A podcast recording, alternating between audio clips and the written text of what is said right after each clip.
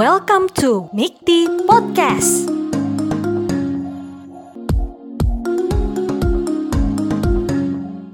Selamat datang semuanya di webinar Mikti yang pertama. Perkenalkan saya Siti sebagai PR Mikti. Uh, kali ini kita akan membahas tentang how to scale up your startup bersama dengan salah satu founder game developer Indonesia yang sudah mendunia nih. Nah, namanya Mas Arif Widiasa. Halo Mas Arif. Halo halo semuanya, halo teman-teman. Thank you ya udah diundang. Oke, okay, dan sekarang di sini semua kita ingin belajar gimana sih caranya scale up startup karena menurut riset yang ada nih mas, uh, sebanyak yeah. 70% startup tuh mereka tuh gagal gitu di masa-masa awal pembentukan itu dalam 20 bulan. Nah, hmm. itu gimana sih caranya bisa scale up karena kita tahu Agate juga kan sudah 10 tahun tapi masih bisa scale up gitu. Nah, mungkin dari Mas Arif sendiri bisa diceritakan hmm. gimana sih awal mula kamu Agate hingga bisa seperti sekarang. Gitu Mas, silakan. Oke. Okay. Ya. Siap, thank you, thank you. Halo teman-teman semua, salam kenal. Saya Arif dari Agate. Kebetulan kali ini saya menjabat, oh sorry, nanti kalau suara saya kecepatan atau tidak jelas, kasih kode tangan ya atau apa. Ya, tolong. Nah, Oke, okay. uh, salam kenal. Saya Arif. Uh, saat ini kebetulan menjabat sebagai CEO di Agate. Kami adalah perusahaan game, basisnya di Bandung. Saat ini kebetulan kita adalah perusahaan game paling besar di Indonesia. Um, kalau awalnya tuh simpel sekali sih. Jadi dari dulu kan saya memang suka sekali main game. Um, terus kebetulan waktu saya kuliah eh, di satu kampus itu ketemu teman-teman yang sama-sama suka main game dan ternyata sama-sama pengen bikin game. Nah jadi dari situ bermula kita kumpul bareng-bareng, coba ikutan game coba ikutan game competition, ikutan lomba, mostly kalah sih. Jadi kita ikutan lomba, pitching, kalah. Tapi akhirnya uh, setelah kita teman-teman udah hampir mau lulus, semuanya pada nanya, ini gimana? Kita sangat ingin kerja di game industry, tapi kenyataannya pada masa itu di Indonesia belum ada game company yang bisa nampung banyak orang. Jadi alhasil kita mulai Agate. Waktu itu tahun 2009, kita mendirikan Agate itu 1 April 2009. Itu foundernya ada banyak, kita foundernya ada 18 jadi 18 orang founders. Um, dan karena waktu itu kita sama sekali nggak punya modal, tiap orang itu cuma digaji per bulannya 50 ribu rupiah. Wow. Jadi benar-benar bahasanya mungkin bootstrap ya waktu itu ya. Terus kita juga sadar bahwa kan kita masuk ke industri game industry. Pada masa itu tuh game industry itu nggak ada kompetisi level kota atau Indonesia, adanya langsung kompetisi global. Jadi dari awal juga kita udah harus saingan produknya kualitasnya level global. Jadi pada masa itu akhirnya kita decide the only way kita buat catch up adalah kerja keras. Jadi pada masa itu um, jam kerja kita itu ada 90 jam per minggu. Jadi Senin sampai Sabtu jam 8 pagi sampai jam 11 malam. Itu jam kerja kita. Jadi pada masa itu kita benar-benar berusaha gimana caranya kita bisa mempercepat ketertinggalan kita, ngejar kapabilitas kita. Nah dari situ kita berusaha bertumbuh sih. Hmm, mungkin versi singkatnya kalau di fast forward sampai sekarang, berarti kita umurnya udah 10 tahun lebih. Saat ini di Agate ada sekitar 200, hampir 250 orang. Uh, 240 kalau nggak salah sama magang-magang mungkin 250. Kita um, ya bisa dibilang udah jadi perusahaan game paling besar di Indonesia. Komparasinya dengan yang nomor duanya mungkin udah sekitar tuh sekitar 7 sampai 8 kali lipat. Kira-kira menceritakan. Tapi kalau ditanya uh, gimana caranya, mostly sebenarnya menurut saya perjalanan Agate itu perjalanan keberuntungan sih. Jadi kita banyak beruntung um, sama kita memutuskan untuk tidak pernah menyerah aja sih. Oh gitu.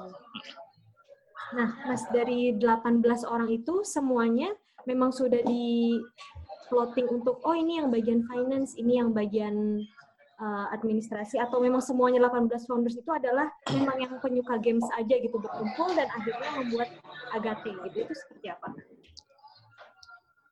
Ya, kalau awalnya founders itu backgroundnya setengahnya engineering, jadi setengahnya itu computer science. Kalau bahasa kerennya mungkin hacker, setengahnya lagi itu orang art, bahasa kerennya hipster. Jadi kita nggak ada orang bisnis pada masa-masa awal. Makanya kita di awal banyak membuat keputusan bodoh lah di bisnis.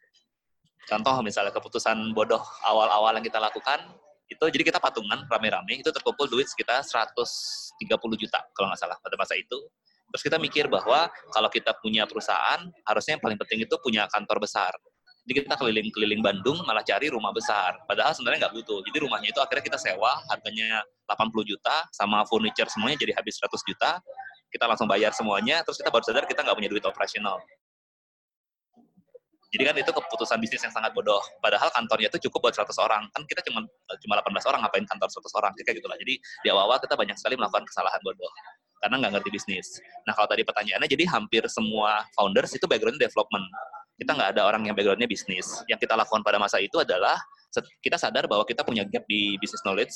Yang kita lakukan adalah waktu itu setiap founders itu punya kewajiban harus baca satu buku bisnis tiap minggunya. Jadi kalau satu minggu dia nggak baca buku bisnis dan nggak tulis summary-nya, dia didenda 50 ribu. Itu the whole salary hilang langsung. Ya. Terus gimana supaya cara menemukan yang ahli bisnis tuh berarti dari founder-founder Agatha itu sendiri ya Mas atau tidak belajar? Atau sampai Benar. Jadi awalnya jadi awalnya kita otodidak belajar, terus bagaimana menemukan siapa cocok di mana itu kita putar. Jadi ada masa-masa di mana kita tiap dua bulan ganti jabatan awalnya si A pegang finance, si B pegang operation, si C pegang R&D. Dua bulan lagi kita tukar. Itu sempat kejadian di awal-awal. Tapi menurut saya itu bukan approach yang benar ya.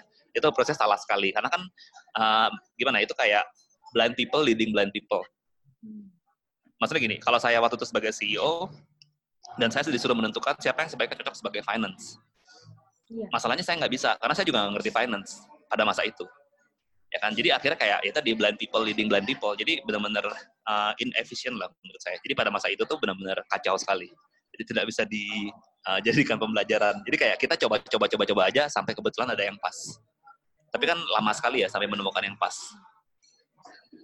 Kira-kira waktu jangkanya berapa lama mas? Sampai menemukan yang pas? Um, kayaknya setelah setahun ya itu kita udah lebih jarang ganti-ganti posisi paling ganti posisinya tiap tahun. Kalau setahun sekali rotasi masih lumayan oke. Okay. Oh gitu.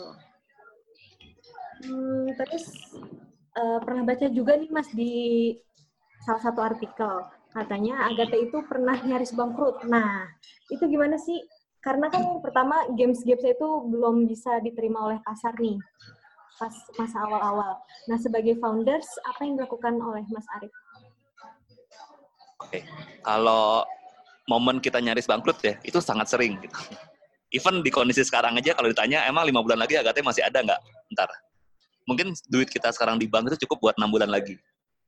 Jadi tujuh bulan lagi kalau kita nggak menghasilkan revenue kita bangkrut. Jadi momen nyaris bangkrut itu sering sekali dan saking seringnya sampai kita jadi bahan ketawaan. Jadi sudah sangat sering momen di mana kayak besok harus gajian, um, dan cash bank cash di bank itu sama sekali nggak cukup buat gajian. Yang terjadi adalah manajemen ngumpul lah gimana caranya kita pinjam duit, ada orang yang nggak dibayar dulu gajinya itu sudah terlalu sering terjadi. Jadi contoh yang baik sebenarnya. Um, dan memang karena industri game itu kan memang sangat volatile ya. Jadi um, apa ya hit driven sekali, naik turunnya juga tinggi. Jadi memang kita harus menemukan cara bagaimana caranya kita bisa tumbuh tapi berkelanjutan di industri yang seperti itu. Kalau strategi kita adalah kita mencampur bisnis model.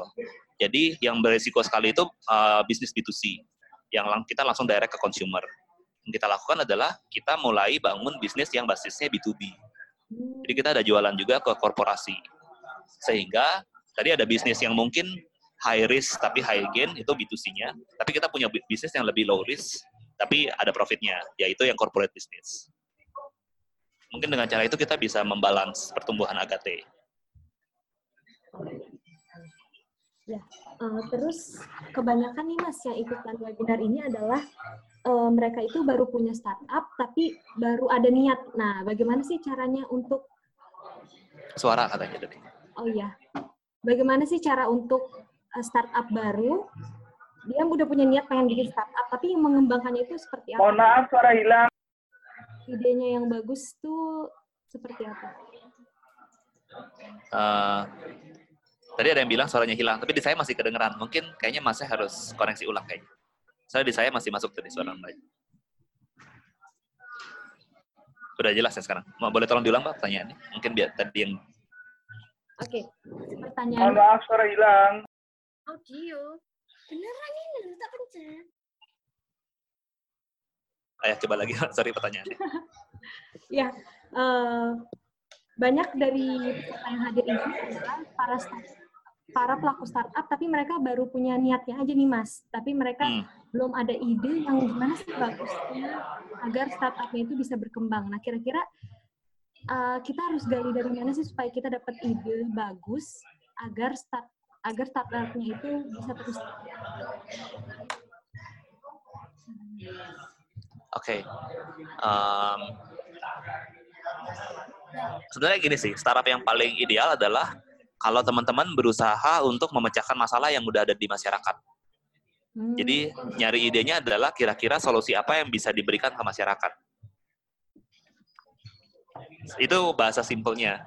Uh, bahasa yang lebih susahnya adalah uh, syarat untuk sebuah ide solusi bisa menjadi ide startup teknologi yang bagus adalah bahwa idenya itu harus um, sorry solusi yang teman-teman berikan benar-benar bisa nge-solve problem yang ada di masyarakat dan bisa di scale secara teknologi.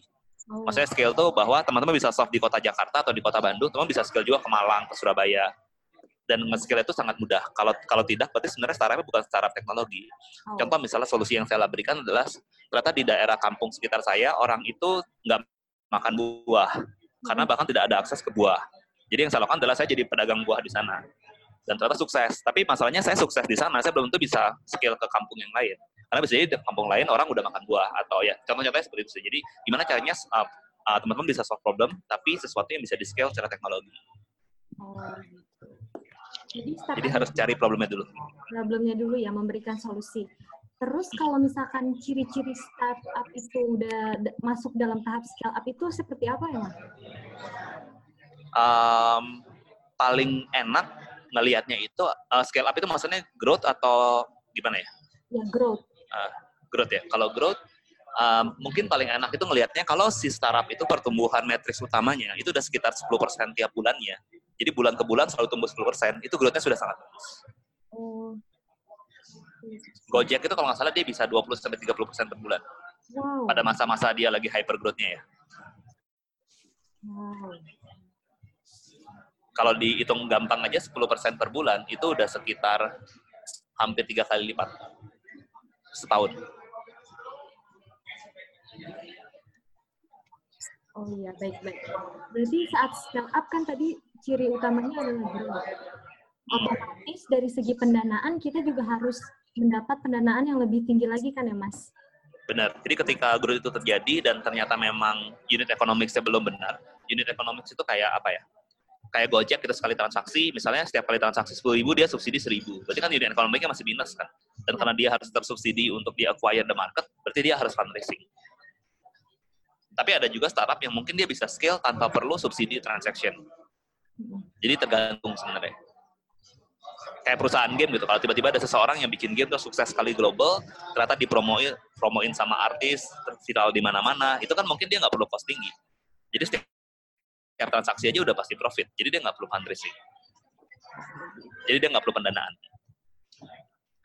Tapi kalau kondisinya saat scale up itu butuh pendanaan, kemudian langkah atau poin-poin penting apa sih yang misalkan startup itu kan pitching untuk mendapatkan pendanaan. Nah, langkah pentingnya apa sih yeah. mas agar si startup itu saat pitching bisa mendapatkan pendanaan? Um, Oke, okay. uh, ini tergantung stage-nya ya. Soalnya kalau um, venture capital itu kan ada beda-beda stage. Ini mungkin saya assume stage stage-nya itu stage seed ya. Jadi maksudnya early stage. Uh, jadi maksudnya stage awal-awal. Nah biasanya kalau stage awal, venture capital itu cuma melihat foundernya. Foundernya itu punya background apa. Contoh misalnya kayak Traveloka itu gampang sekali. Foundernya Ivy League. Satunya Stanford, satunya Harvard. Udah pasti dipercaya ini orang jago. ya kan. Um, Gojek juga sama. Foundernya Harvard terus siapa lagi ya? Um, Jaki Bukalapak founder ITB um, ya jadi founder salah satu faktor yang kedua adalah problem yang mau di solve apakah besar Nah, tadi kalau problemnya di yang mau di solve itu skalanya cuma satu juta dolar per tahun itu terlalu kecil. At least skalanya itu bisa billion dolar per tahun. Jadi problemnya harus besar dan solusi yang ditawarkan itu make sense dan belum ada yang lakukan di market. Atau kalau sudah ada yang lakukan di market harus jelas kenapa teman-teman bisa lebih menang daripada apa yang ada dilakukan di market. Oh gitu. Iya. Terlalu cepat nggak ya saya ngomongnya? Enggak kok mas, enggak. Oke okay, oke, okay, sorry sorry. saya kebiasaan nonton video tiga kali speed soal jadi. oh ya Mas Arif ini kebetulan ada yang bertanya nih Mas melalui. Yeah. uh, Mas berapa lama sejak 2009 sampai bisa berjalan tanpa modal sendiri? Jadi agak Jadi jadi um, dari 2009 sebenarnya kita justru jalannya dengan modal sendiri. Hmm. Justru kita, kita baru dapat pendanaan itu di tahun 2016. Jadi malah kita jalan modal sendiri dulu, terus kita sudah sadar bahwa untuk bisa grow lebih cepat lagi kita butuh modal lebih. Makanya kita fundraising 2016.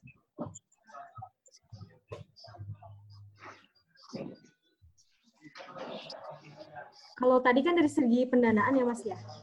Hmm.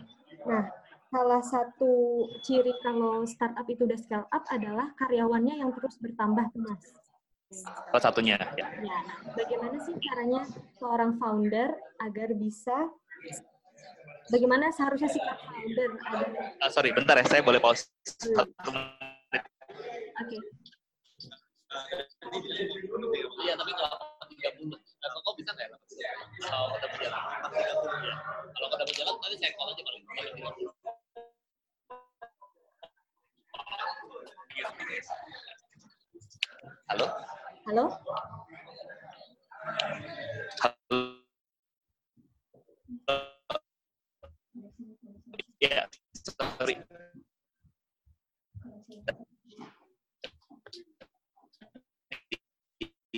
uh, ada toel, ada yang toel. Tadi ada pertanyaan, Mbak? Ya, ada Mas. Halo, halo. Halo? Iya. Mm -hmm. Udah. Uh, salah satu poin scale up adalah karyawannya yang jumlahnya makin bertambah. Ya, Mas. Ya. Nah, bagaimana seharusnya sih? Benar. Awalnya dari 18, eh tiba-tiba 30, 50. Gimana sih cara founder uh, mengorganisasi mengorganisasi memanagenya? Um, jadi kalau di jadi kalau apa ya kalau yang saya tahu hmm, ada yang namanya rule of three sama rule of ten. Jadi maksudnya gini, ketika jumlah tim itu ketemu angka 3 atau angka 10, cara leader untuk melit untuk memimpin timnya itu bisa berubah. Contoh misalnya kalau timnya baru tiga orang, itu sangat simpel karena komunikasi pasti sangat mudah karena nggak mungkin ada miskomunikasi. Begitu timnya udah 10 orang, itu udah biasanya dimulai ada kebutuhan second leader. Jadi leadernya nggak boleh satu orang, pasti ada dua leader at least, kalau udah 10 orang. Begitu timnya udah 30 orang, itu udah mulai ada fungsi administrasi yang dibutuhkan. Jadi udah pasti ada orang yang butuh, misalnya kerjanya administrasi doang. Begitu timnya udah 100 orang, itu udah mulai ada um, apa ya kayak udah harus ada proses yang di, harus di-establish. Udah pasti harus ada tim HR yang fokus. Begitu timnya udah 300 orang, ini udah lebih susah. Jadi um, udah nggak mungkin satu orang bisa kenal sama satu yang lain. Jadi uh, struktur, divisi, sistem itu udah harus in place. Terus habis itu di 300 orang itu juga orang baru bisa masuk dengan sangat cepat sehingga kultur bisa sangat cepat berubah. Jadi bagaimana menjaga uh, uh, budaya perusahaan juga jadi penting. Jadi nanti tadi apalagi di 300 ribu orang itu beda lagi dari seribu ke tiga ribu orang nanti beda lagi tiga ribu ke sepuluh ribu orang beda lagi dan bisa jadi nanti uh, halo? Ya. Lanjut mas. Oke. Okay. ya kakak tadi uh, kakak itu sih. Nah. oke. Okay. ini masih ada yang masuk sore saya mute aja ya. Curut Ibu ini buat jualan di itu, anu buat kan. Udah, Oke. Oke. Mas langsung kita masuk ke pertanyaan aja ya.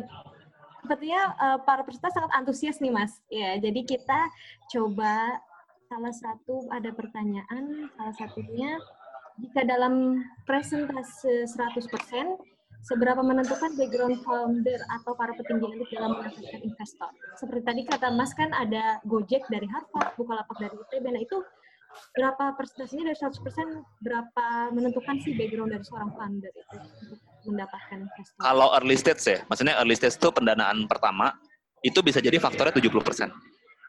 Oh, 70%? Bisa 70-80%, iya.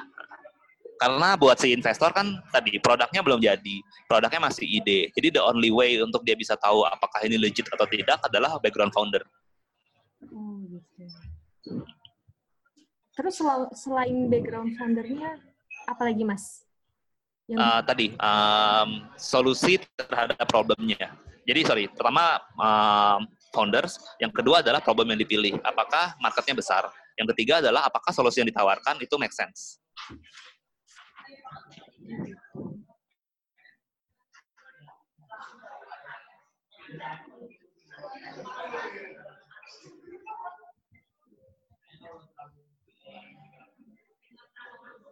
Eh, lalu ada yang tanya juga nih Mas, kira-kira Ya. itu dapat dari mana selain dari angel investor atau dari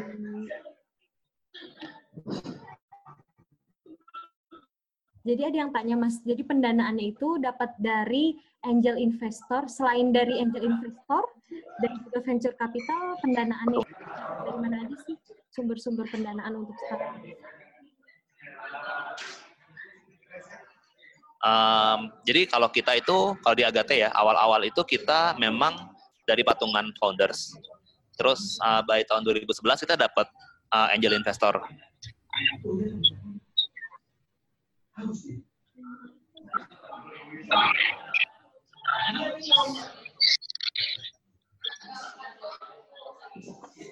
Ada suara ini kayaknya. Ya, jadi kita dapat uh, angel investor di tahun 2011. Itu nilainya kalau nggak salah sekitar 2 miliar. Terus kita ada dapat venture capital di tahun 2016 itu sekitar 14 miliar. Jadi uh, ya sumbernya kira-kira itu sih. Pasti uh, yang bisa kasih duit adalah yang punya duit. Jadi memang the privilege well. Oke Mas. Hmm. Mungkin yang ada di kondisi saat ini adalah banyak startup yang tidak bisa atau tidak bisa scale up tuh mas. Dan mereka malah gagal. Nah harusnya mereka tuh melakukan apa sih mas? Agar mereka Kalau itu tergantung stage, tergantung stage ya. Jadi kalau masih di awal sekali, menurut saya yang paling penting adalah menemukan product market fit. Product market fit itu artinya menemukan bahwa produk yang teman-teman ingin buat atau teman-teman yang sedang buat itu ternyata memang cocok dan dibutuhkan oleh market. Kalau bisa dibutuhkan sampai dipakai terus-terusan atau at least, ah, sorry, kalau bisa dibutuhkan sampai dia mau bayar atau at least dibutuhkan sampai dipakai terus-terusan. Kalau salah satu dari dua itu sudah tercapai, at least lebih enak. Jadi fokusnya harus ke sana sih.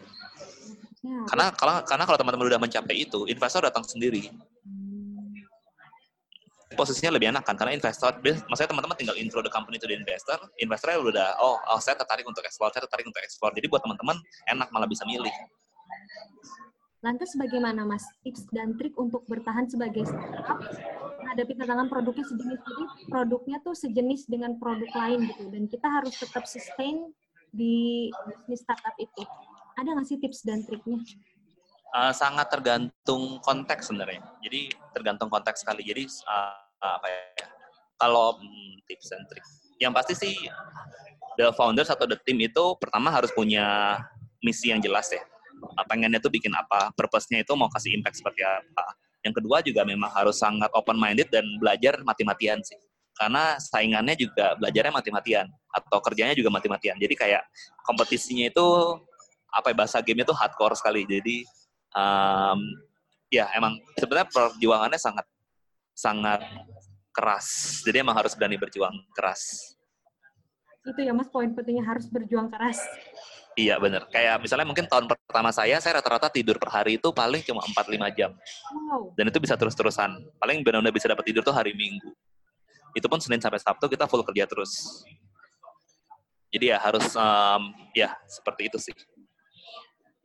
Jadi bahkan kayak saya sebelum tidur pasti baca buku dulu. Jadi kayak kerja dari jam 8 pagi sampai jam 11 malam, jam 11 malam saya baca buku dulu, baru tidur rata-rata jam 2 pagi. Wow. Baik-baik mas. Lalu Intinya maksudnya bahasa, eh, bahasa gampangnya kerja keras nggak bohong, lebih kayak gitu sih. kerja keras nggak bohong.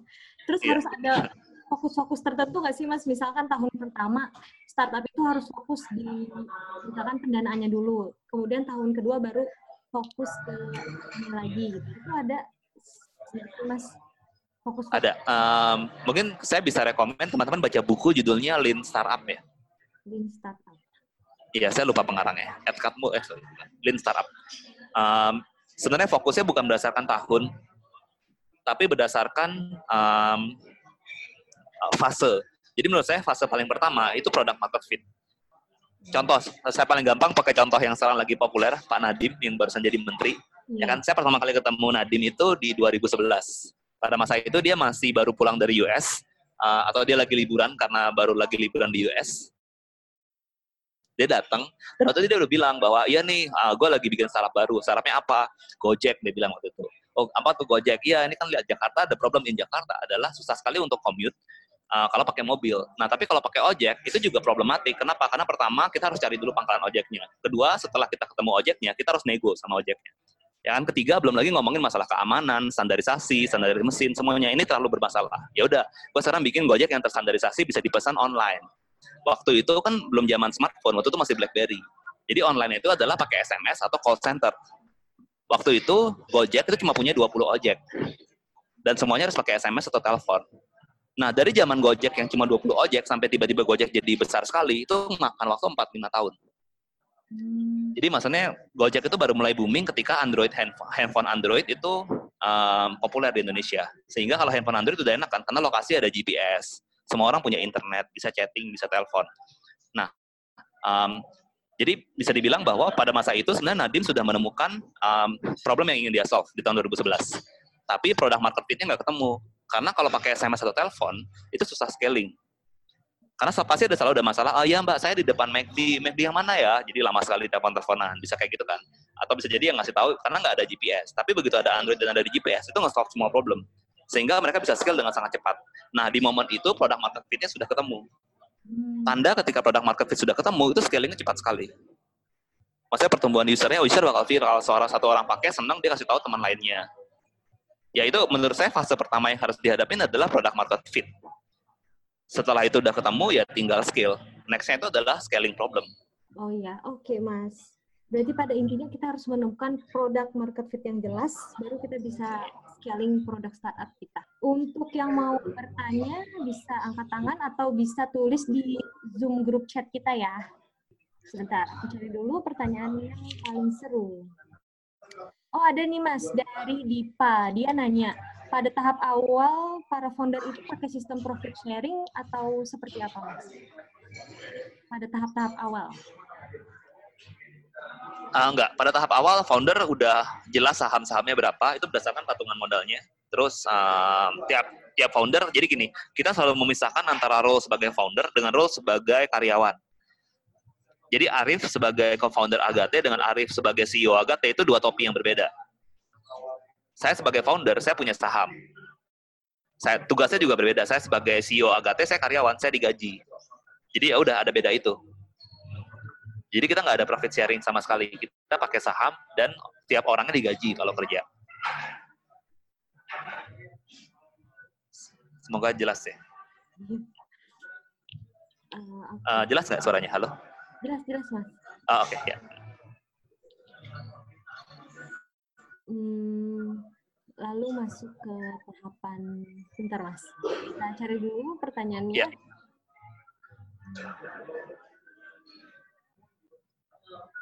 Ini ada banyak nih ya, dari awal kali ya, dari Kolil Aziz. Awal-awal berdiri Agate, target bikin berapa game? Itu saya jawab langsung, nggak apa-apa. Nah, boleh boleh mas. Oke, ya udah. Awal berdiri Agate, target bikin berapa game? Jadi pada masa awal itu kita bikin target 3 bulan 6 game, kalau nggak salah. Dari 6 game itu yang berhasil terjual cuma satu. Itu terjual 800 dolar. Um, 5 gamenya gagal total. Jadi alhasil dalam 3 bulan revenue kita cuma sekitar 9 jutaan pada masa itu. Jadi banyak gagalnya.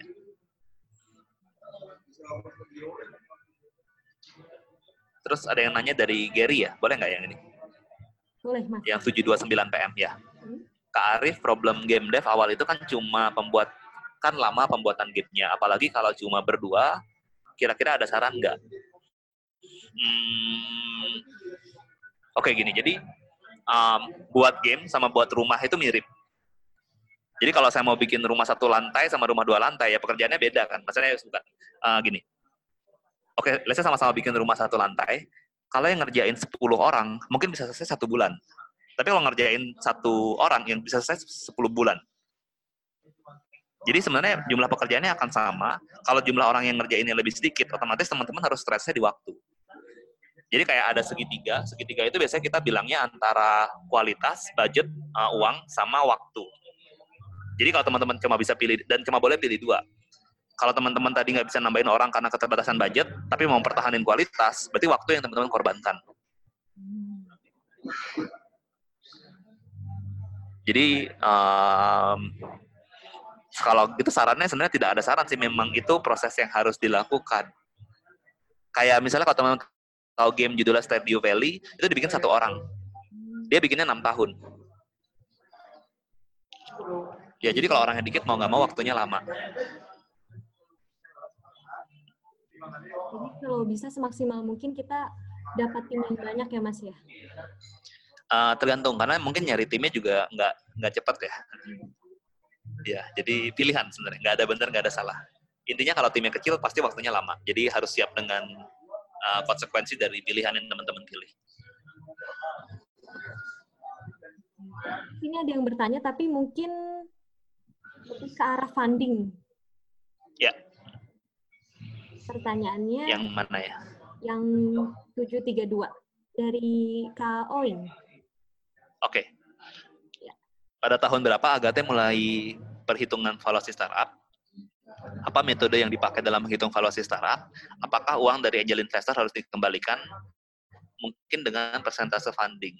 Oke, kayaknya persentase, persentase funding saya nggak bisa share karena itu konfidensial. Um, apakah saya jawab dari bawah ya? Apakah uang dari angel investor harus dikembalikan? Jawabannya tidak, karena dia investasi dapat saham, jadi kita nggak perlu kembalikan. Kalau kita utang, baru kita kembalikan. Terus um, apa metode yang dipakai dalam menghitung valuasi startup? Kalau saat ini Agate kita pakainya revenue multiple. Jadi valuasinya adalah multiple dari revenue. Pada tahun berapa Agate mulai perhitungan valuasi startup? Kita mulai itu ketika diinvest sama venture capital pertama kita itu 2016. Siapa Mas angel investor pertama Agate? Oh, kalau angel investor kita ada tiga orang. Kalau venture capital pertama kita itu 2016 Maluku Ventures namanya. Hmm.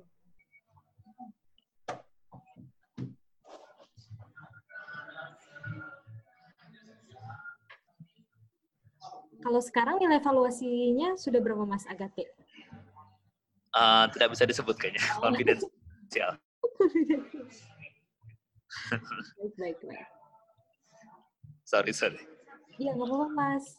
Terus ada lagi, Mas, yang nanya dari Kak Bagus. Cara Ya. yakin investor suka game berapa persen? Cara yakinin investor?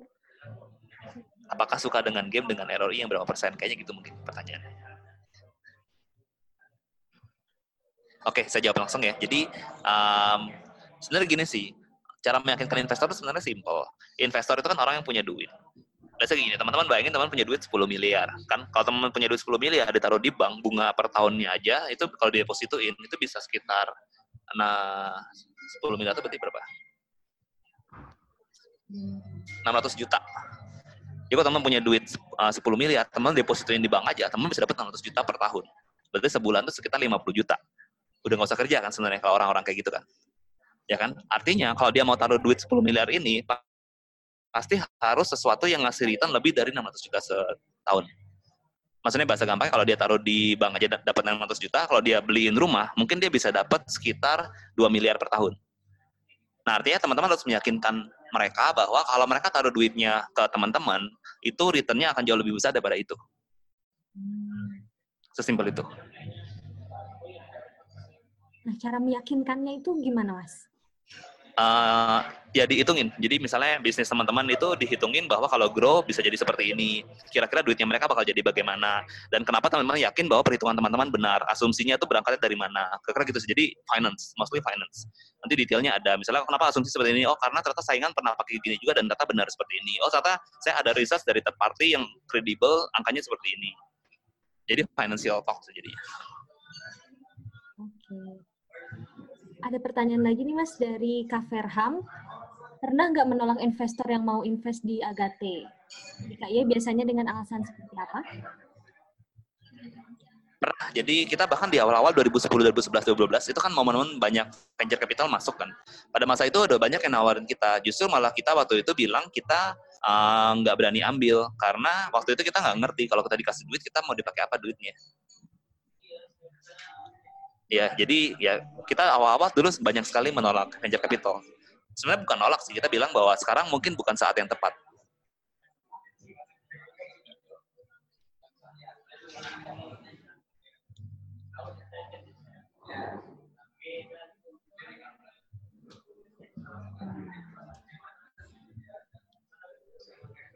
Pertanyaan mana? Bagaimana cara menentukan gaji?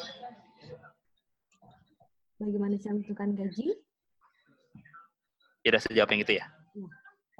Oke, jadi pertanyaannya adalah bagaimana cara menentukan gaji founder, gaji employee, dan ga- gaji internship program. Jadi jawabannya, um, jadi gini, nggak ada yang namanya gaji founder, adanya gaji employee atau gaji internship. Jadi founder itu nggak bukan label lah, maksudnya kita di Agate sama sekali nggak pernah consider dia founder atau enggak. Um, ketika menentukan gaji ya. Jadi gaji itu benar-benar basisnya adalah seberapa jago orang yang bersangkutan, role-nya, tanggung jawabnya seperti apa, basisnya itu. Bagaimana cara menentukan angkanya, itu pakai market benchmark. Jadi misalnya kalau gaji programmer, misalnya programmer rata-rata dibayarnya 10 juta. Terus ter- sekarang terserah kita, budget kita memang sanggup nggak di situ? Apakah kita sanggup di atas market atau sanggup atau ternyata cuma di bawah market? Kalau ternyata kita di bawah market, berarti kita harus kasih kompensasi. Karena biasanya gini, uh, budgetnya 10 juta di market. Terus ternyata kita cuma sanggup 7 juta. Ya udah berarti orang yang kita offer 7 juta ini kita harus bilang bahwa selisih 3 jutanya kita bakal bayar pakai stok. Pakai saham misalnya. Atau kalau misalnya kita mau main gampang, market 10 juta, kita langsung bid di atas market aja, 11 juta, 12 juta. Jadi cara menentukannya adalah market. Kalau internship bagaimana? Internship juga mirip sih. Tapi internship biasanya pakai UMR di bawah. Jadi intinya uang saku biasanya kalau internship.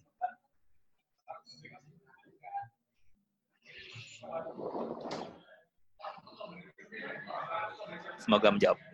Semoga terjawab ya, Kak. Siapa ini, Kak Oing? Oh, ini. Oing.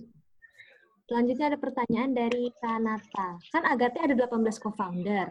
Padahal kalau Ya. makin banyak kepala, susah dalam pembuatan keputusan. Biasanya kan co-founder rata-rata dua, tiga. Nah, Bagaimana cara bisa mengelola sampai 18 co-founder sampai detik ini? Em, jadi gini, keputusan pun ada berbagai keputusan ya. Misalnya gini, keputusan em, seorang Arif sebagai CEO di Agate hari ini misalnya. Saya review ya keputusan, oh sorry, jangan gitu. Em, oh jadi gini, ada keputusan seseorang sebagai employee, ada keputusan seseorang sebagai founders. Nah, kalau kita lagi pakai topi founder, sebenarnya keputusan yang harus dibuat itu sedikit sekali. Karena founder itu paling cuma memutuskan hal-hal terkait misalnya saham atau uh, value perusahaan, uh, strategi perusahaan. Jadi meeting founder itu jarang sekali, mungkin setahun 3-4 kali maksimal. Jadi sebenarnya meetingnya jarang. Itu yang pertama poinnya. Nah, karena keputusan dibuat sebenarnya sedikit sebagai founders ya. Yang kedua adalah um, kita karena foundersnya banyak ada 18 dari awal kita udah punya mekanisme uh, decision making. Jadi kita bakal selalu start dengan inisial uh, musyawarah mufakat. Kalau nggak kecapai ke- keputusan dalam waktu berapa jam, kita bakal start dengan voting. Masih nggak mencapai keputusan dalam berapa jam, ada satu orang yang bisa veto semua keputusan. Jadi kayaknya pasti dalam waktu waktu tertentu keputusan akan dibuat. Caranya gitu sih. Jadi kita bikin mekanisme pengambilan keputusan aja sebenarnya. Jadi kalau, mekanismenya ada, mau foundernya berapa juga nggak ngaruh. Sama oh ya metode komunikasi. Jadi em, contoh misalnya kalau teman lihat DPR lagi rapat, itu kan metode komunikasinya eh, berantakan sekali. Maksudnya berantakan adalah, let's say kita kita ada sekitar 47 orang dan kita berusaha berkomunikasi. Cara paling enak berkomunikasi adalah dengan tulisan kan. Dengan teman-teman nulis kita saya kecepatan teman-teman nulis dan kecepatan saya baca tuh jauh lebih cepat daripada kecepatan saya ngomong dan kecepatan teman-teman dengar. Jadi metode komunikasi juga diatur. Jadi ketika kita meeting, biasanya kita semua tulis dulu. Di awal kita baca semua, baru kita ngomong. Karena ngomong itu adalah metode komunikasi yang paling lambat. Sorry teknik sekali sih. Ya. Itu Kanata. Semoga menjawab ya Kanata. Nah, selanjutnya ada Kak Adi nih Kak.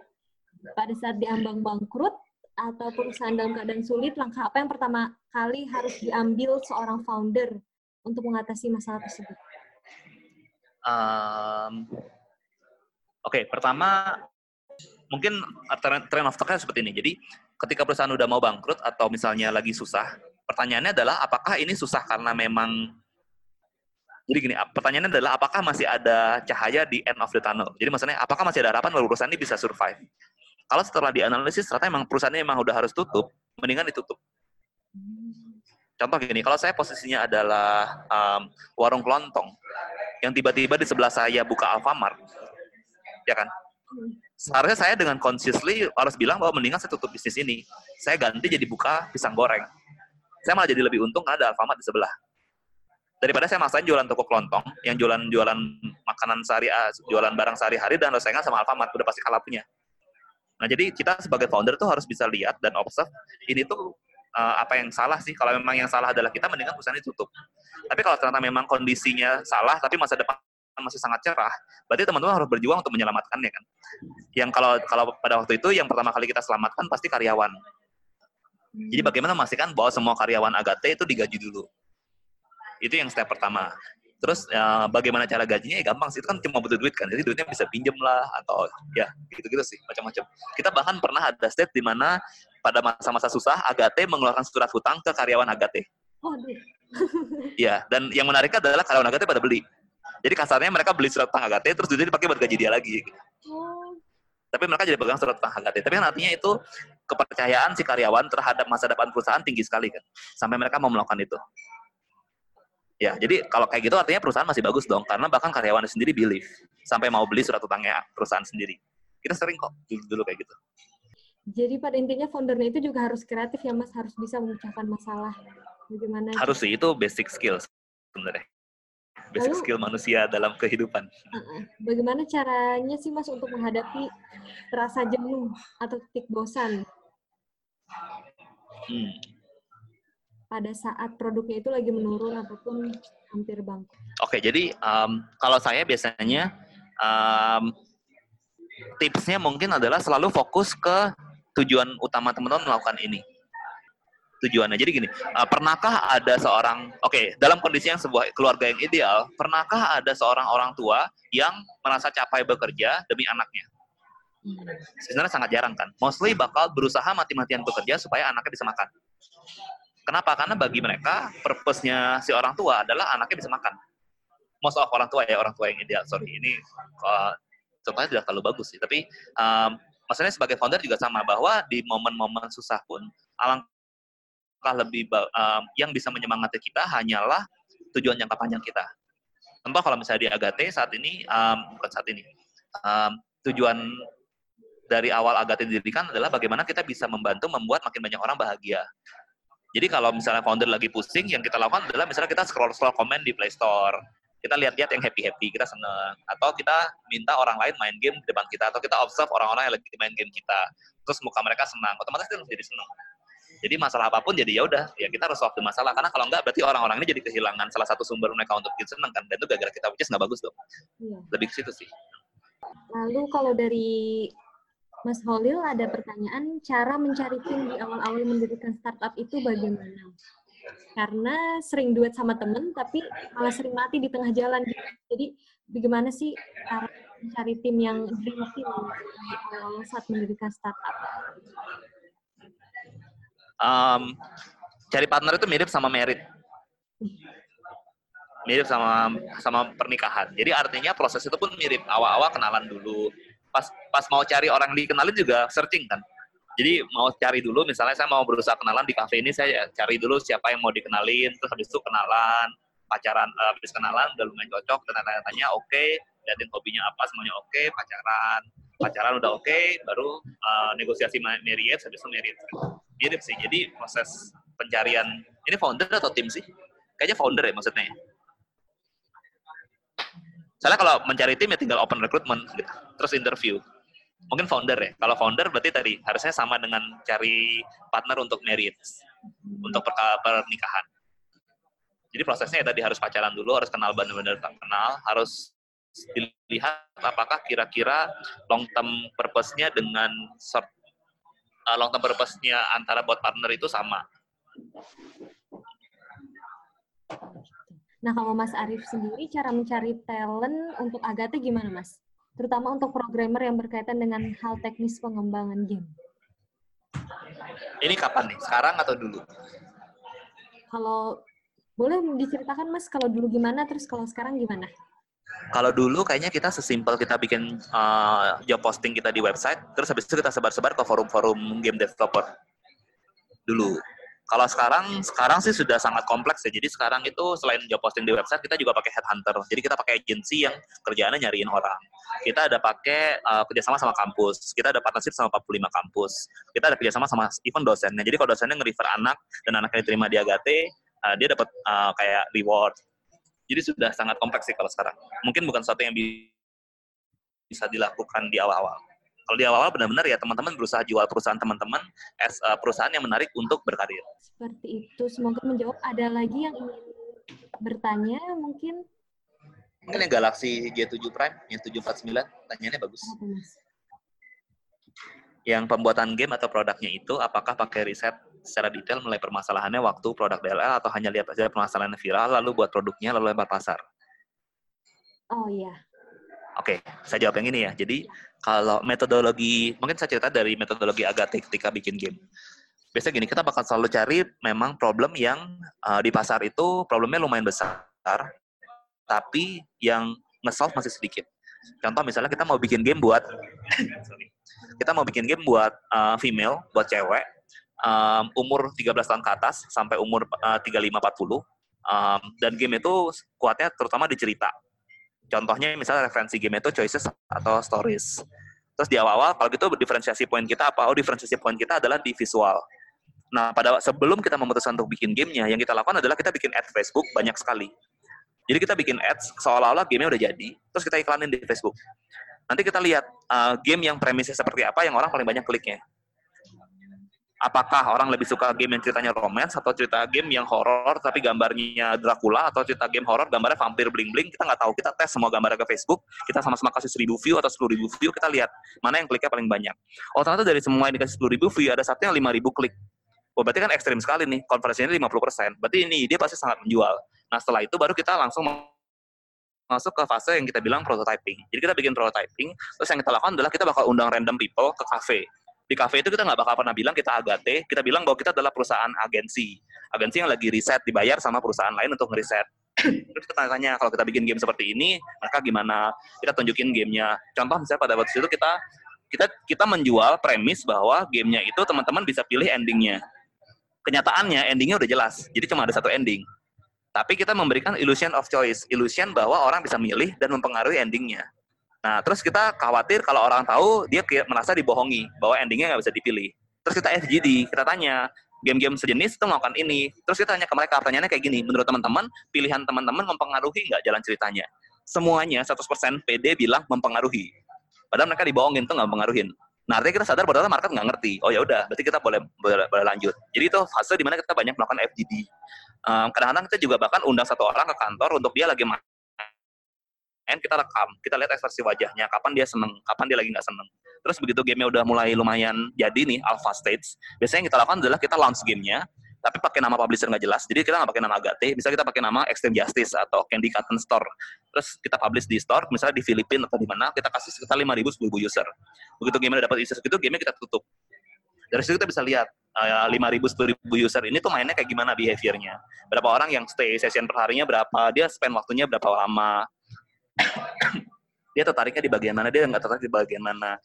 Setelah itu kalau udah bagus, kalau misalnya nggak bagus, yang kita lakukan adalah ya kita fix dulu. Kalau misalnya udah bagus, baru kita lanjut ke next step. Kira-kira gitu sih, in general.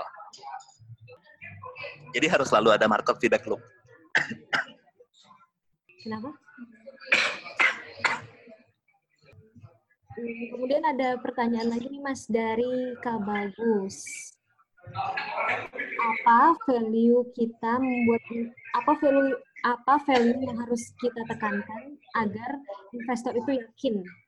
Pada Oke, okay, jadi kalau teman-teman misalnya tidak punya privilege secara background ya, jadi maksudnya teman-teman bukan Ivy League uh, Ivy League uh, youth students, bukan mungkin bukan Ivy League lah, bahkan mungkin top 5 university Indonesia student. Gimana caranya membuat investor yakin ini bisa pakai caranya William sih. Tahu William Tanujaya kan? Tahu, tahu. Ya, dia kan di antara semua unicorn dia yang backgroundnya paling tidak privilege kan. Dia start dengan penjaga warnet, ya kan. Terus uh, ya maksudnya um, untuk bisa meyakinkan adalah track record sih. Misalnya dengan teman-teman ikut kompetisi dan menang, atau teman-teman memang proof teman-teman bertahan hidup di market dan konsisten. Karena kan di di masa di mana banyak perusahaan tumbang, the only way bahwa kita tidak tumbang adalah kita uh, gini-gini. Perusahaan bakal tutup ketika foundernya menyerahkan. Perusahaan tidak akan pernah tutup kalau foundernya nggak pernah menyerahkan. Iya. Iya. Mungkin jadi gitu. Jadi apa value-nya adalah teman-teman bisa menunjukkan daya juang sih menurut saya. Ini mau dijawab semua nggak yang Mas Bagus? Proposal buat investor, buat sendiri atau pakai konsultan? Kita buat sendiri. Uh, saran saya juga nggak usah pakai konsultan sih. Kalau teman-teman size-nya cuma di bawah, eh nggak apa-apa ya, saya go through pertanyaannya langsung saya jawab.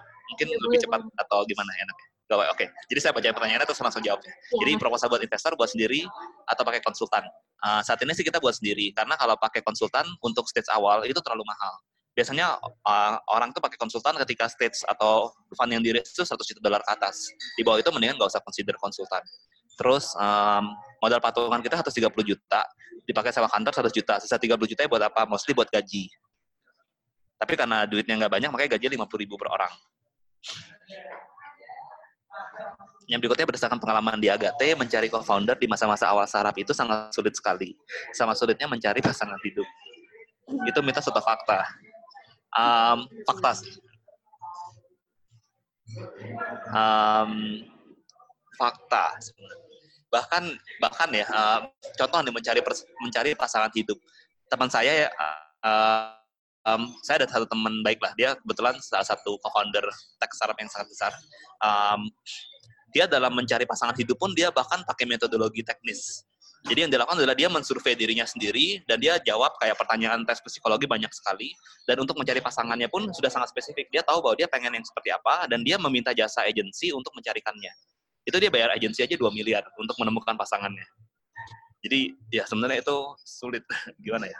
Tapi kan kalau kalau kita misalnya tidak punya uh, fun fun juga, berarti kan the only way untuk kita bisa ketemu adalah ya kita rajin mencari. Rajin mencari, trial and error banyak. Terus um, ini saya lanjut terus atau gimana ya Mbak ya? Ternyata banyak pertanyaannya. Iya. Mungkin ini ya Mas, ada yang nanya. Bagaimana Mas Arief mengajak teman-teman untuk membangun studio game bersama? Um, jadi sebenarnya um, mungkin bahasa lebih benarnya adalah sebenarnya saya tidak mengajak.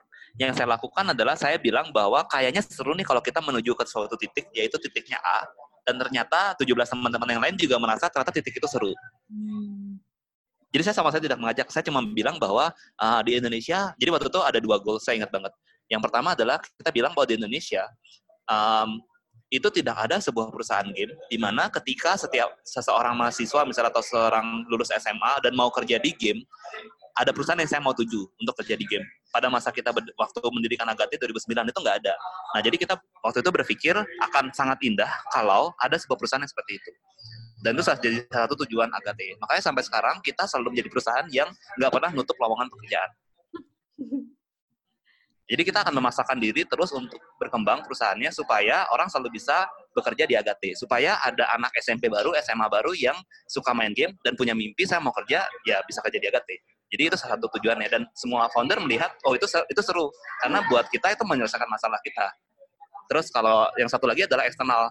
Kita waktu itu ada dua sih eksternal. Jadi waktu itu uh, kita melihat bahwa kita ingin dalam 10 tahun pertama Agate jadi ini teman saya sih yang cerita, dia bilang bahwa 10 tahun lagi dia ingin ada seorang anak di Papua melihat layar TV-nya dan dia tersenyum dan di layar TV-nya ada logo Agate. Jadi kita ingin menyebarkan game dari ke seluruh pelosok Indonesia. Itu udah kita berhasil lakukan setelah 10 tahun. Satu lagi adalah kita dari kecil kan suka main game PlayStation sama Nintendo. Jadi kita ingin bahwa pada suatu pada suatu waktu ada sebuah game dari Indonesia yang bisa dipublish di PlayStation dan di Nintendo. Akhirnya kita juga berhasil lakukan. Dalam 10 tahun kita berhasil bikin game yang masuk ke PS4 sama Nintendo Switch. Dan itu box. Jadi maksudnya di toko-toko kalau teman-teman ke US, di toko kasetnya di GameStop itu ada. Ya, jadi jadi goalsnya adalah membuat tujuan atau visi yang yang lainnya senang. Bukan masalah kita ngajak karena attachment itu nggak boleh terhadap personal, attachmentnya harus terhadap goalsnya. Jadi sama, harus memastikan. Sama seperti motonya Agate ya mas, life the fun way. Iya, hidup berbahagia. Lalu dari Kak Daniel nih Kak, ada yang nanya, apakah Agate pernah membuat game berskala besar? Contohnya game online yang menampung 10.000 lebih user. 10.000 lebih pernah. Eh, itu bahkan skalanya belum besar. Um, ya itu skala belum besar. Uh, tergantung nih, kalau CCU 10 ribu mungkin besar, tapi kalau menampung 10 ribu user misalnya total dalam sehari 10 ribu atau sebulan 10 ribu kita pernah. Sekarang kita rata-rata bulanan user kita mungkin di 500 ribu. Ya, jadi 10 ribu itu nggak besar. Um, tapi saat ini game skala paling besar yang kita buat itu skala budgetnya 15 miliar.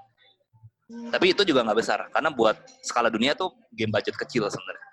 Karena kayak Grand Theft Auto itu budgetnya itu 25 triliun. Jadi masih kecil sebenarnya skala kita.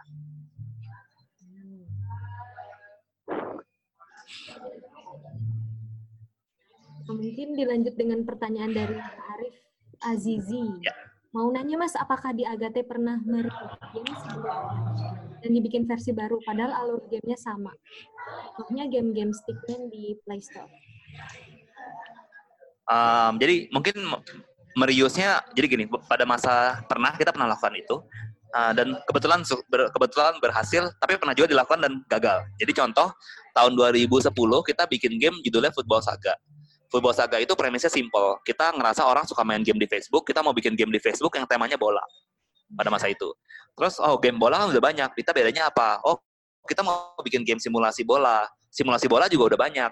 Ternyata game simulasi bola yang sudah banyak itu game menjadi pelatih menjadi manajer.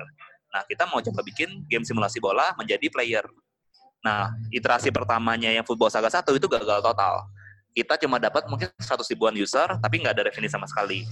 Belajar dari situ, kita ngobrol sama komunitas utamanya dari Football Saga 1, kita iterasi bikin Football Saga 2. Itu gamenya di launch 2 tahun kemudian, 2012. Um, dan resultnya jadi sangat bagus. Itu menjadi salah satu game kita yang paling sukses.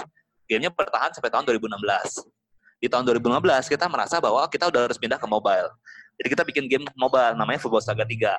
Pas kita pindah ke mobile, gagal total gamenya. Jadi kita sering melakukan itu dan kadang-kadang berhasil, kadang-kadang gagal. Jadi ada, tapi ya tadi, berhasil atau gagalnya benar banyak faktor sih.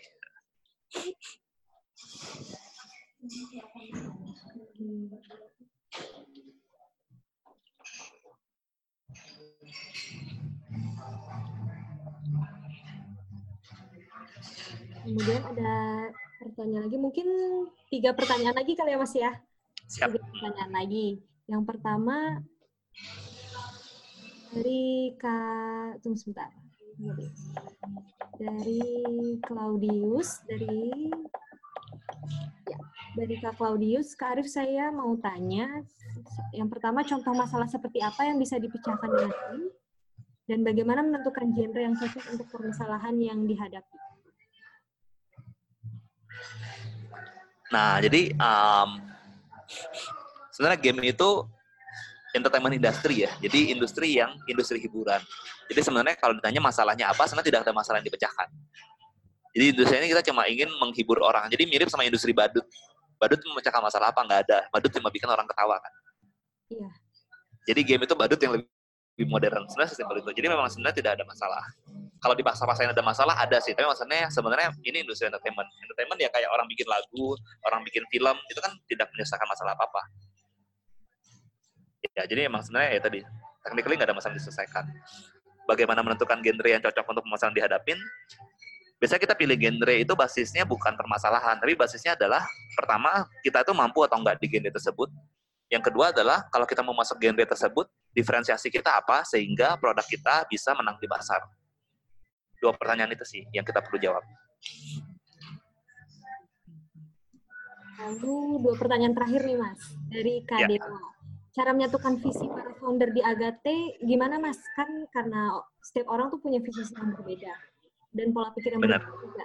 Nah, gimana sih cara Benar. Ya. Hmm. Mikir ya? Ini ini lu susah um, the only way adalah ngobrol. Jadi saya ingat pada masa-masa itu yang kita lakukan adalah kita berkali-kali meeting founder ramai sekali. Itu bahkan sekitar sampai seminggu. Dan itu banyak pertanyaan yang kita ajukan sih. Contoh misalnya pertanyaannya adalah uh, apa yang ingin the specific individual lakukan dalam hidup ini? Dan kenapa mereka merasa Agate adalah is the right vehicle untuk achieve those goals. Why atau habis itu uh, atau pertanyaannya misalnya um, up um, bayangkan ketika ada Agate, dunia seperti apa yang berhasil terjadi karena ada Agate. Jadi contoh pertanyaan, jadi tujuannya adalah set dulu sebuah goals, terus di challenge rame-rame. Kira-kira itu caranya sih. Jadi uh, dan kita iterasi goalsnya uh, banyak sekali dan memang nggak selesai sekali sih. Ya, jadi emang prosesnya panjang, nggak bisa cepat. Contoh waktu itu kalau nggak salah bahkan ada visi kayak gini. Kita membayangkan bahwa di masa depan uh, si Pak Budi adalah seorang petani. Uh, 20 tahun lagi Pak Budi ketika bertani itu pakai traktor buatan Agate. Di mana ketika dia mentrak membajak sawahnya, dia itu mengendalikan traktor seperti dia lagi main game. Itu pernah jadi salah satu visi kita. Tapi kenyataannya mungkin itu visinya salah. Karena mungkin 20 tahun lagi traktornya udah jalan sendiri. Pakai robot sama AI, nggak perlu dikontrol lagi. Pak Budinya ya udah main game aja di rumah. Kira-kira gitu kan. Jadi ya banyak sih banyak iterasi. Oke. Okay. Nah, for the last question Mas dari yeah. Kak Mas Arif, Mas Arif, sosok inspiratif Mas Arif di dunia game atau industri game sampai saat ini siapa? Dan kenapa sosok tersebut sangat menginspirasi Mas Arif? Hmm. Ada nggak Mas? Um, kalau menurut saya saat ini sosok inspiratif saya itu mostly orang-orang Nintendo. Jadi Shigeru Miyamoto atau uh, Satoru Iwata. Jadi orang-orang petinggi Nintendo lah.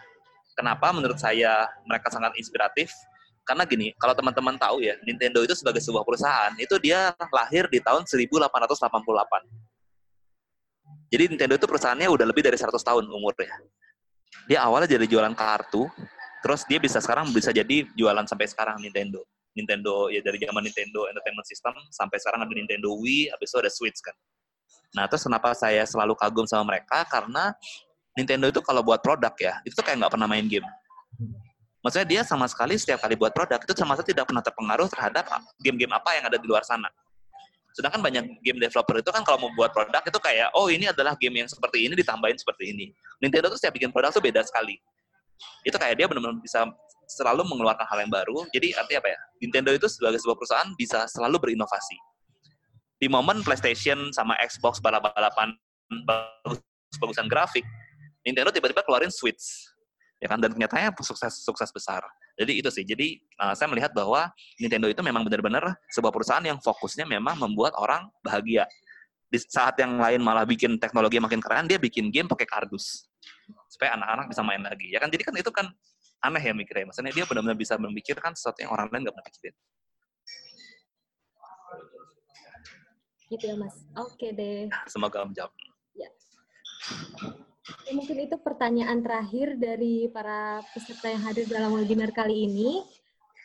Uh, ada beberapa poin yang mesti kita highlight nih dari webinar kali ini. Yang pertama, memang untuk membangun sebuah startup itu diperlukan sosok founder yang benar-benar mau berjuang dan juga timnya juga harus berjuang satu sama lainnya. Jadi yang kalau misalkan ditanya apa sih poin penting yang harus kita benahi atau ya yang harus kita benahi agar dapat scale up startup itu ya poin pertamanya itu adalah dari foundernya sendiri seperti itu ya Mas ya. Dan startupnya juga harus bisa memberikan solusi yang belum pernah ada di Indonesia sehingga untuk nanti dapat pendanaan atau investasi itu biar agar lebih mudah. Oke Mas Arief, terima kasih ya Mas uh, untuk waktunya. Ya. Dan mungkin dari Mas Arief ya, ada pesan-pesan pesan-pesan untuk para founder yang sedang berjuang nih saat ini dalam mendirikan startupnya. Oke, okay, um, Oke, okay, pertama mungkin mau ngucapin terima kasih banyak buat teman-teman atas perhatiannya uh, di malam hari ini. Sorry, uh, waktunya cuma ada bisa malam-malam. Um, kalau satu pesan terakhir, mungkin ini sih. Jadi mungkin gini, kalau kalau pertanyaan ini um, apa value yang menurut saya paling penting bagi saya pribadi dalam menjalani startup gitu ya. Dan mungkin semoga value yang saya share ini bisa berguna buat teman-teman. Kayak gitu uh, poinnya. Jadi menurut saya yang paling penting adalah positivity. Positivity itu apa sih? Jadi uh, saya pernah ada di suatu sesi di mana ada seorang mentor yang sharing ke saya, dia bilang gini bahwa uh, manusia di dunia ini tuh saya pakai mau pakai coba fitur ini ya whiteboard kayaknya lucu boleh boleh mas mana ya serut ini pertama kali saya pakai jadi lucu-lucuan ya. Oh keluar ya jadi ini ini ceritanya lucu jadi um, bukan lucu sih jadi ada waktu itu ada seseorang yang bilang ke saya um, bahwa manusia di dunia ini itu bisa dipisahkan dalam sebuah garis pada di suatu saat kita bisa ada di atas garis, berarti bisa ada di sini, atau kita bisa ada di sini, kata di bawah garis. Ini di atas atau di bawah. Nah, terus dia bilang bahwa orang-orang yang di bawah garis, setiap kali menemukan sesuatu, dia akan melakukan tiga hal. Yang pertama, blaming. Sorry ya, tulisannya jelek. Um, blame. Blame itu menyalahkan. Yang kedua itu excuse. Tulis dulu, hoop. Hoop. Excuse cari-cari alasan. Yang ketiga itu uh, denial. Hoop, hoop, hoop, hoop. Sorry ya, ini ada waktu untuk membuat tulisannya. Denial. Ya. Uh, saya terus dulu deh semuanya, nanti baru jelasin. Sedangkan orang-orang di atas garis, ketika terjadi sesuatu, dia bakal menunjukkan ada tiga hal. Yang pertama, ownership. Ownership.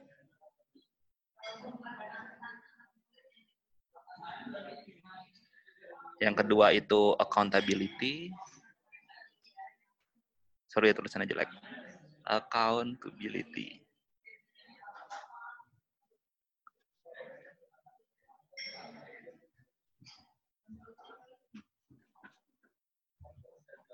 Saya tulisnya accountable aja ya. Yang ketiga responsible. Ah, sorry tulisannya jelek. Respon. Sible. Oke, jadi maksudnya uh, bahwa di suatu di suatu waktu seseorang manusia itu bisa ada di atas garis atau ada di bawah garis. Jadi let's say saya kasih contoh ya, ini contoh nyata. Let's say ini adalah Arif yang lagi di bawah garis. Ini sebenarnya adegannya dari cerita teman saya sih, bukan cerita saya. Jadi teman-teman bayangkan, jadi teman saya ini itu backgroundnya benar-benar um, geek banget lah. Dia kalau jalan itu pakai jaket, pakai kerudung, selalu bawa handheld device kayak Nintendo 3DS, dia main terus. Terus bayangin dia tuh lagi di sebuah angkot. Nah di angkot ini lagi ada perjalanan dan ada beberapa orang di angkot itu. Terus begitu melewati daerah yang memang ramai, angkotnya melambat. Nah di angkot itu itu ada tiga orang. Yang pertama adalah ada seorang ibu dan anaknya, di mana anaknya lagi makan permen. Anaknya makan permennya sama makan roti, bungkusnya dikasih ibunya. Sama ibunya bungkusnya dibejek-bejek apa ya, di diremas-remas. Besok dia buang ke jalan.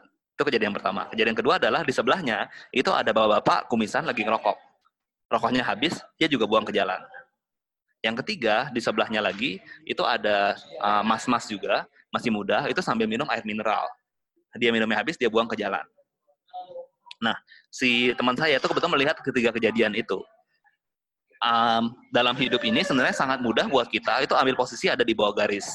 Maksudnya di bawah garis itu gimana? Bahwa kita melihat kejadian itu, kita tahu bahwa buang sampah sembarangan salah, tapi kita dengan sangat mudah blaming. Blaming itu menyalahkan orang lain. Misalnya, wah ini parah banget uh, tiga orang ini. Mereka buang sampah sembarangan. Atau wih parah banget ada mungkin orang keempat yang dia nggak mau negur. Atau kita cari-cari alasan, excuse, siapa saya, dia saya nggak kenal dia, ini juga bukan daerah saya, ngapain saya harus urusin sampahnya. Cari-cari alasan. Atau denial, begitu lihat kejadian, kita langsung fokus sama game kita. Kita nggak mau terlibat. Menolak terlibat ya kan?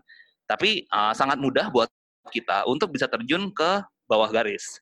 Tapi yang menarik adalah apa yang dilakukan oleh teman saya pada masa itu. Jadi yang dilakukan adalah dia langsung bilang ke supir angkotnya mas mas uh, uh, kiri sebentar. Kalau di Bandung bilangnya kiri. Jadi angkotnya berhenti sebentar terus dia turun yang dilakukan adalah dia ambil botol air mineralnya dia ambil puntung rokoknya dia masukin dia ambilin bungkus rotinya dia masukin terus dia naik lagi dia bawa itu terus dia main game lagi hanya dengan melakukan aksi simpel itu, itu tiga orang tuh benar-benar ketohok sekali. Nangkap ya maksudnya? Jadi, instead of dia memilih, dia nyalain orang, dia cari-cari alasan, dia denial, dia melakukan yang di atas. Dia take ownership. Dia mengambil kepemilikan bahwa apa pun yang terjadi di sekitar kita, itu kita bisa membuat perubahan. Dan dia lakukan itu, dia accountable, dia berhenti, dia ambil. Dan dia responsible, itu, itu sampahnya dia bawa terus sampai dia turun ke tempat sampah, dia buang. Ini kan kejadian sangat kecil, tapi kalau teman-teman lihat di sekitar kehidupan teman-teman, banyak sekali orang-orang atau kita selalu memilih untuk berada di bawah garis. Nah, apa yang membedakan orang di bawah garis sama di atas garis? Garis itu bakal berusaha untuk selalu melibatkan dirinya dan berusaha untuk menciptakan sesuatu lebih baik. Maksudnya gini, artinya yang di atas itu bakal selalu berusaha melihat sesuatu itu lebih positif dan berusaha memberikan impact yang positif. Dalam dunia bisnis, selalu pasti ada tantangan. Jadi kayak dua sisi mata koin. Selalu pasti ada, setiap kejadian, pasti ada dua sisi mata koin.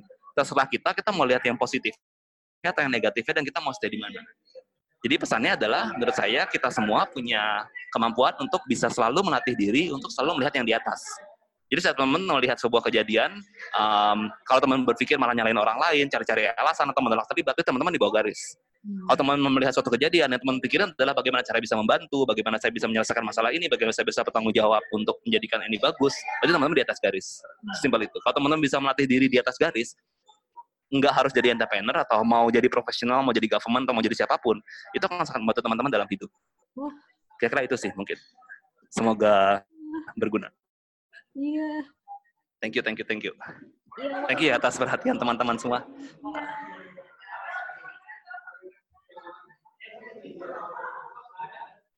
Sangat Ini ya sangat menginspirasi sekali Mas yang terakhir. Jadi kita thank you, thank you, thank you. Bisa menjadi seorang yang ownership, accountable, accountability dan responsible. Bener. So apa pun cita-cita kamu, kalau kamu mempunyai tiga poin utama ini, pasti kesuksesan akan menjemput. Kira-kira gitu ya Mas ya. Betul, betul. Pasti akan sangat berhasil dalam kehidupan. Akan berhasil dalam kehidupan. Siap-siap. Oke, mungkin sekian dulu webinar perdana Mikti kali ini. Terima kasih sekali lagi untuk para peserta yang sudah hadir. Terus ini juga dari seluruh Indonesia ya, mungkin ada dari Padang, dari Aceh, Jogja, dan sekitarnya. Terima kasih juga kepada Mas Arief atas segala Sama-sama. pengetahuannya dan juga sharing ilmunya. Terima kasih juga untuk yang sudah bergabung dari Dilo, juga Digital Valley. Terima kasih ya semuanya. See you on the webinar sesi kedua.